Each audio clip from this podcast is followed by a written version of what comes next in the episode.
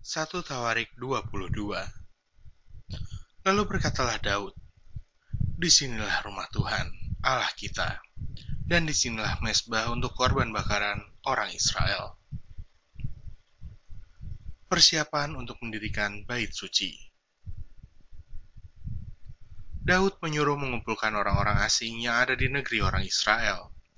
Lalu ditempatkannya tukang-tukang untuk memahat batu-batu pahat yang akan dipakai untuk mendirikan rumah Allah.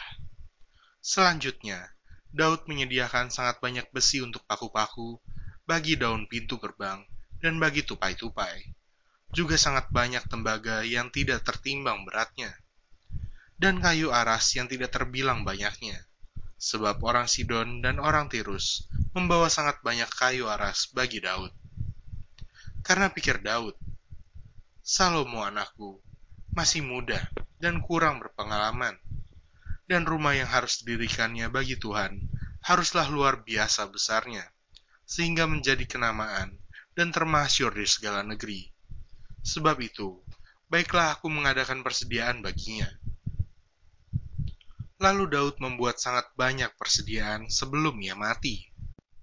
Kemudian dipanggilnya Salomo, anaknya, dan diberinya perintah kepadanya untuk mendirikan rumah bagi Tuhan Allah Israel. Kata Daud kepada Salomo, Anakku, aku sendiri bermaksud hendak mendirikan rumah bagi nama Tuhan Allahku. Tetapi firman Tuhan datang kepadaku demikian. Telah kau tumpahkan sangat banyak darah, dan telah kau lakukan peperangan yang besar. Engkau tidak akan mendirikan rumah bagi namaku, sebab sudah banyak darah kau tumpahkan ke tanah di hadapanku. Sesungguhnya, seorang anak laki-laki akan lahir bagimu. Ia akan menjadi seorang yang dikaruniai keamanan. Aku akan mengaruniakan keamanan kepadanya dari segala musuhnya di sekeliling. Ia akan bernama Salomo. Sejahtera dan sentosa akan kuberikan atas Israel pada zamannya.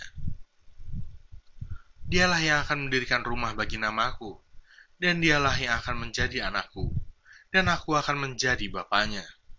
Aku akan mengokohkan tahta kerajaannya atas Israel sampai selama-lamanya.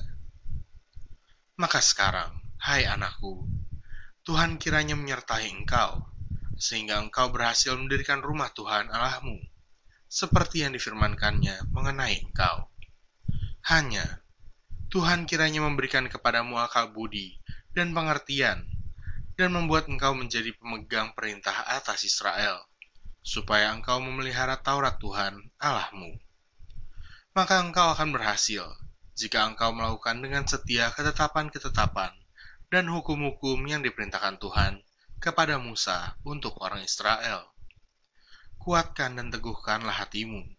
Janganlah takut dan janganlah tawar hati.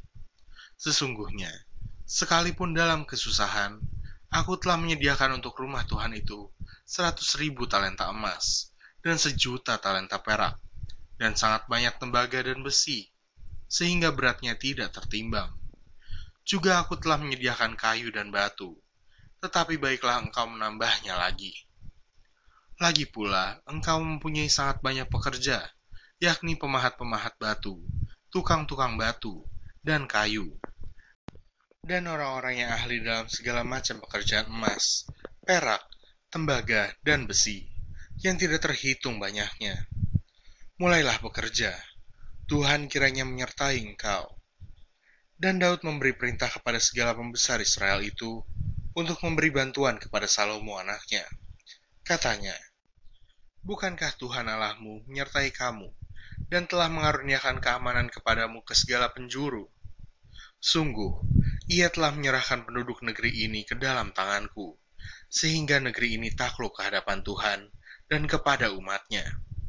Maka sekarang, arahkanlah hati dan jiwamu untuk mencari Tuhan Allahmu.